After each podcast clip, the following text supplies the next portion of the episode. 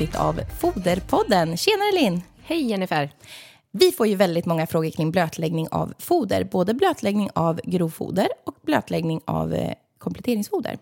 Och i dagens avsnitt av Foderpodden så ska vi därför prata om just det här med blötläggning av olika typer av foder. Och om vi börjar med blötning av grovfoder, av vilken anledning är det som de flesta hästägare blötlägger grovfoder? Ja, alltså vi träffar ju mycket hästägare och det som jag tycker att vi ofta hör att hästägarna vill blötlägga fodret för, det är för att antingen påverka sockerinnehållet i grovfodret eller för att höet dammar. Eh, och det kan också vara för att de har uppfattat det som att det ska vara lättare att tugga grovfodret om det är upplött. Eh, eller för att få i hästen mer vätska. Ja, det här är ju några orsaker som vi stöter på där hästägarna vill blötlägga fodret, eller grovfodret, att det är, det är orsakerna till varför de vill blötlägga grovfodret. Och om vi börjar med blötning av grovfoder för att minska sockerinnehållet, då kanske vi ska reda ut lite vad fa faktiskt forskningen säger kring det här. Mm, och här har man ju faktiskt gjort studier och man har sett att man faktiskt kan minska sockerinnehållet i grovfodret genom blötläggning, men att det ändå är ett relativt oeffektivt sätt att minska sockerinnehållet i grovfodret eftersom att det går åt stora mängder vatten. Eh, I en studie som gjordes på SLU så blötlade man grovfodret i 17 liter vatten per kilo torrsubstans alltså, så det går ju åt väldigt mycket. Och där kunde man se en minskning av sockerinnehållet vid blötläggning av grovfoder i både 12 och respektive 24 timmar då. Eh, man jämförde också effekten av blötläggning hos både ensilage och hos hö. Och här såg man att den största minskningen av sockret var eh, under de första 12 timmarna, även om det också fortsatte att sjunka efter ytterligare 12 timmars blödläggning, det vill säga när blötlä hade varit blötlagd i 24 timmar. Även om det inte var lika mycket som under de första 12 timmarna. Då. Ja, det här kanske inte är så praktiskt genomförbart, det här med att man behöver så pass mycket vatten. Och många gånger stöter jag på, eller upplever jag att många tror att det räcker med att blötlägga lite grann och att sockerhalten ska minska. Men så är det ju inte enligt studierna då. Eh, och vilken nackdel finns det då att blötlägga grovfodret? Ja, alltså först och främst så kan det ju påverka den hygieniska kvaliteten. Eh, alltså både för att bakterier trivs i fuktig miljö och är det dessutom varmt ute som det börjar nu bli där vi befinner oss nu när det är början av juni så är det ju en stor risk att det blötlagda fodrets hygieniska kvalitet snabbt blir dåligt. Eh, dessutom kan ju blötläggningen laka ur vitaminer och mineraler, så det är ju någonting man ska tänka på om man väljer att blötlägga fodret under en längre tidsperiod. Ehm, det är också dåligt ur miljösynpunkt. Och precis som du sa, då, att det går åt väldigt mycket vatten för varje kilo TS grovfoder som man då önskar minska sockerinnehållet av. Ehm, och det här kan ju också påverka arbetsmiljön, både för hanteringstiden samt att det då kan bli en tung hantering vid själva eh, blötläggningen och vid utfodringen. Så att i, i kontrast till varandra så kanske de här eventuella fördelarna blir ganska låga i jämförelse med, med vad det blir med nackdelarna som finns eh, med blötläggningen. Ja, och, och, resultaten på den här studien är ju ganska varierande också. Vissa minskade ju knappt någonting alls i sockerhalten medan andra minskade mer och sådär. Så att det, det, är ju ganska osäkert sätt att, eh, att använda sig av just för att minska sockerhalten i grovfodret. Ja, det är ju bättre då att man i så fall till exempel tar ett grovfoder som har ett redan känt, alltså ett analyserat lågt sockerinnehåll då det är både säkrare och att det är lättare då att fodra ett grovfoder som man vet eh, har en låg sockerhalt och som man slipper blötlägga. Eh, och möjligtvis att det här skulle kunna vara ett alternativ om man har, man har ett grovfoder med ett högre sockerinnehåll och sen i en akut situation då att man innan man får tag i ett bättre foder kan fodra eh, med ett upplött grovfoder.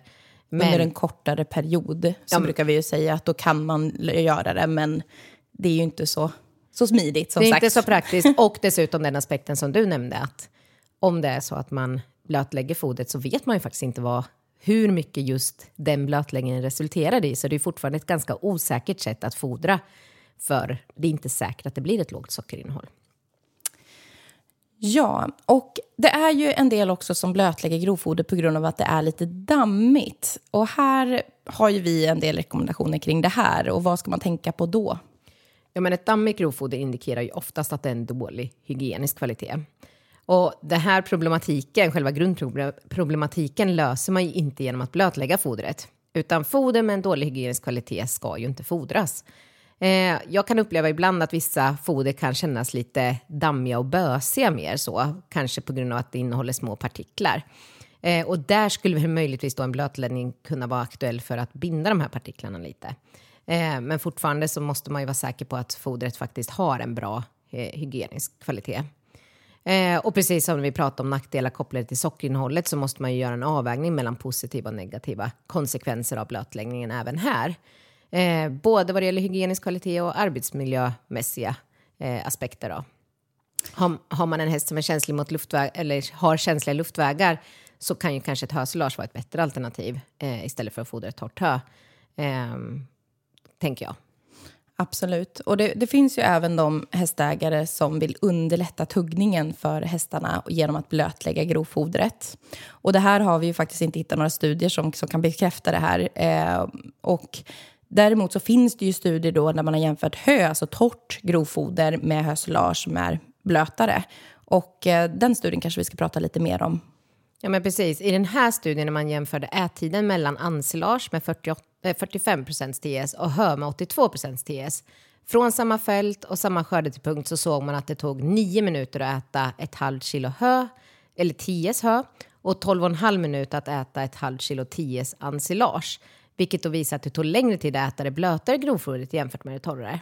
Och även om inte det här är precis samma sak som att blötlägga då ett grovfoder så indikerar det ju ändå att det inte är lättare att tugga ett blötare foder jämfört med ett torrare.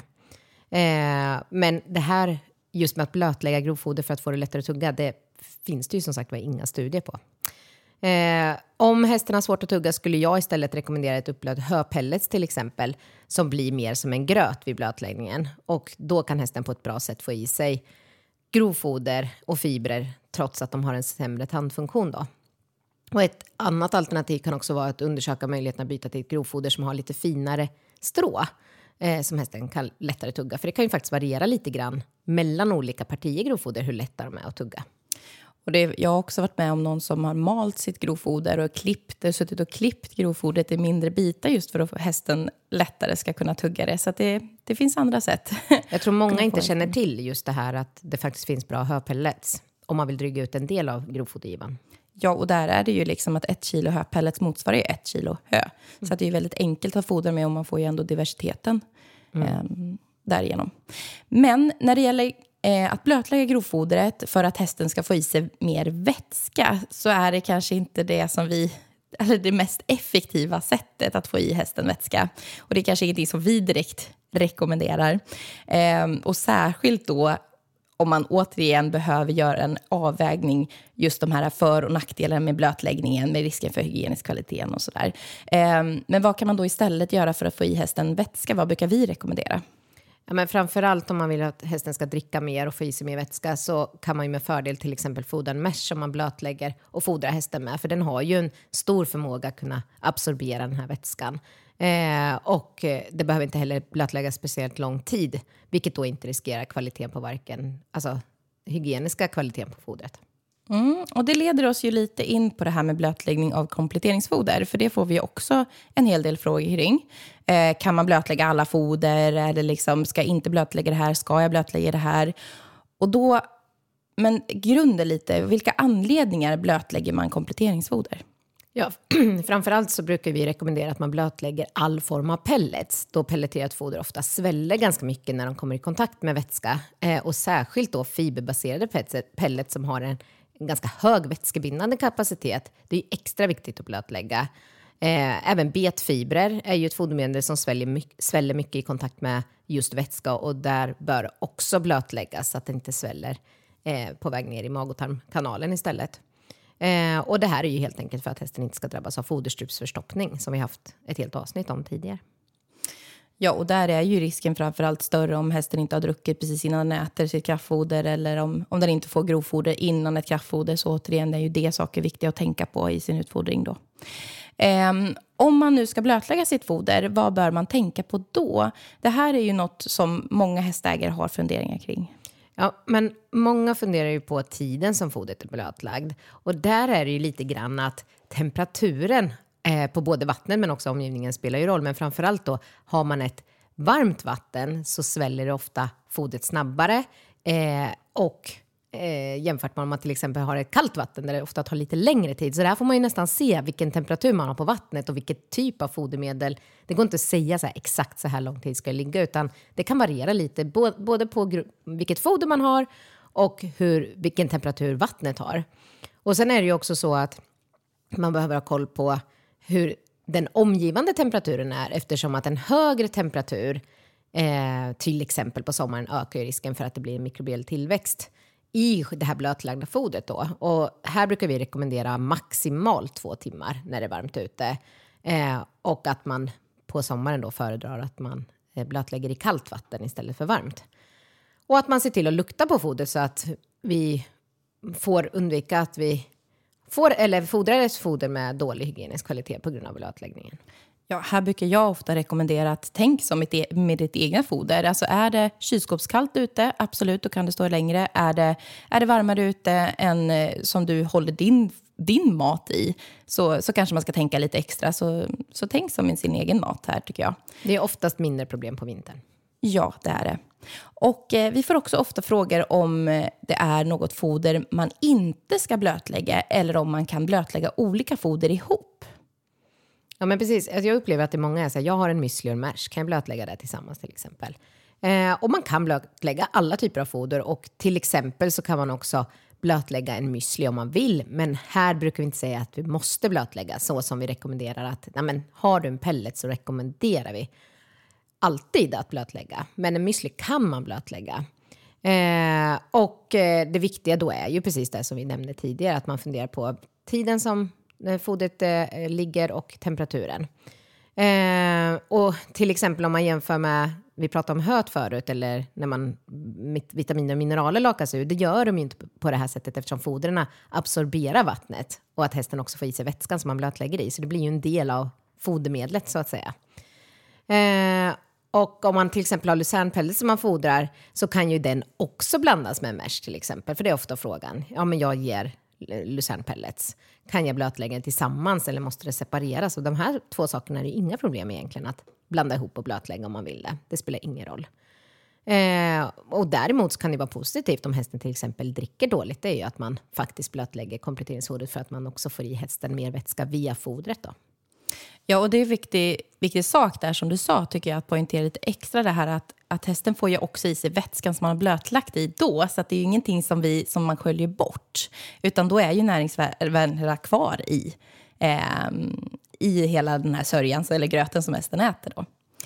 Eh, och en annan fråga vi får är när man har hästen uppstallad i ett inackorderingsstall och vill fodra exempelvis ett pelletrerat foder. Det här är en ganska vanlig fråga som vi får ganska ofta. Hur, hur ska man göra då? Hur ska man tänka med blötläggningen då? Ja, alltså problemet som ofta uppstår i den här situationen det är ju att foder kommer upp, ligga upplött väldigt länge. Om man till exempel är i stallet på måndagen och sen så gör man ordning hinkar som ska fodras på tisdagen. Och det är ju att fodret blir liggande väldigt länge. Eh, och eh, ha, i och med att man kanske inte ger så stor andel pelleterat foder så är ju ett alternativ att vi, vi brukar ju ofta hamna i situationen att vi lägger till protein i något pelleterad variant och då kanske det är så att man när man är i stallet under dagen att man blötlägger fodret när man kommer dit och fodrar under tiden man är där. För att man kan fodra det här på en giva då eh, och passa på att fodra det som ska blötas upp innan man åker hem helt enkelt. Eh, och sen så vet jag ibland att eh, hästar, alltså vissa hästar tycker det är jobbigt att äta eller undviker att äta uppblött foder helt och hållet. Men man kanske ändå måste se till att försöka täcka hästens näringsbehov. Och I vissa fall, om det bara är någon liten andel pelleterat, så kan, brukar jag säga att ja, men prova att blanda det, särskilt om du har en häst som äter försiktigt, där den inte kastar i sig maten, att man blandar det till exempel med müslin, eh, eftersom att ofta hästen äter müslin under mycket längre tid. Eh, men jag skulle säga att man ska alltid vara observant och vara väldigt noggrann och se till att fodra grovfoder innan så att hästen börjar salivera och eh, tuggar fodret, grovfodret innan man eh, fodrar kompletteringsfodret. Ja, ett annat bra tips som jag har hört just eh, hos de som står i inackorderingsstall är att man, man har sin lilla foderkrubba som man har kraftfodret i och sen bredvid så har man en liten vattenhink eller en liten vattenskål som man bara ja, blandar ihop Ehm, för den som ska fodra. Och det kan också vara ett smidigt sätt kanske i ert stall eh, kunna använda sig av. Men sammanfattningsvis då så kan vi ju säga att det är bra att använda sig av lite sunt förnuft eh, när det gäller just det här med blötläggning av våra foder. Tänk lite som ert eget foder, eller sitt eget mat ska jag säga. Ehm, att blötlägga grovfoder för att påverka sockerinnehållet eller för att reducera damm är inget vi rekommenderar. Då är det bättre att välja ett grovfoder med en analyserat och lågt sockerinnehåll och ett grovfoder som har en bra hygienisk kvalitet. Och när det gäller kompletteringsfoder så är det viktigt att inte låta fodret ligga för länge blöt. Och särskilt inte under varmare dagar då som vi är på väg mot nu i sommar. Eh, och vi rekommenderar alltså maximalt två timmar under var varmare perioder att fodret inte ska ligga längre än två timmar. Och är det kallt så klarar sig fodret längre tid uppblött än så. Och vi rekommenderar också att man eh, alltid blötlägger pellets med, medan andra foder kan man blötlägga om man vill. Mm. Det beror lite på vad hästen föredrar och vad man själv föredrar som hästägare. Och sen så vill vi verkligen säga, tveka inte att kontakta oss om du vill ha hjälp att beräkna en foderstat eller om du önskar rådgivning eller foder för just din häst eller om du bara har några foderfunderingar, frågor eh, eller har några bra tips på vad du vill höra mer om i vår podd så är ni jättevälkomna. Och hur når man oss då, Linn? Då finns vi antingen på telefon 0413 486 100 eller så kan man också mejla oss på info Ja, tack så mycket för att ni har lyssnat på oss idag. Tack och hej. Tack och hej.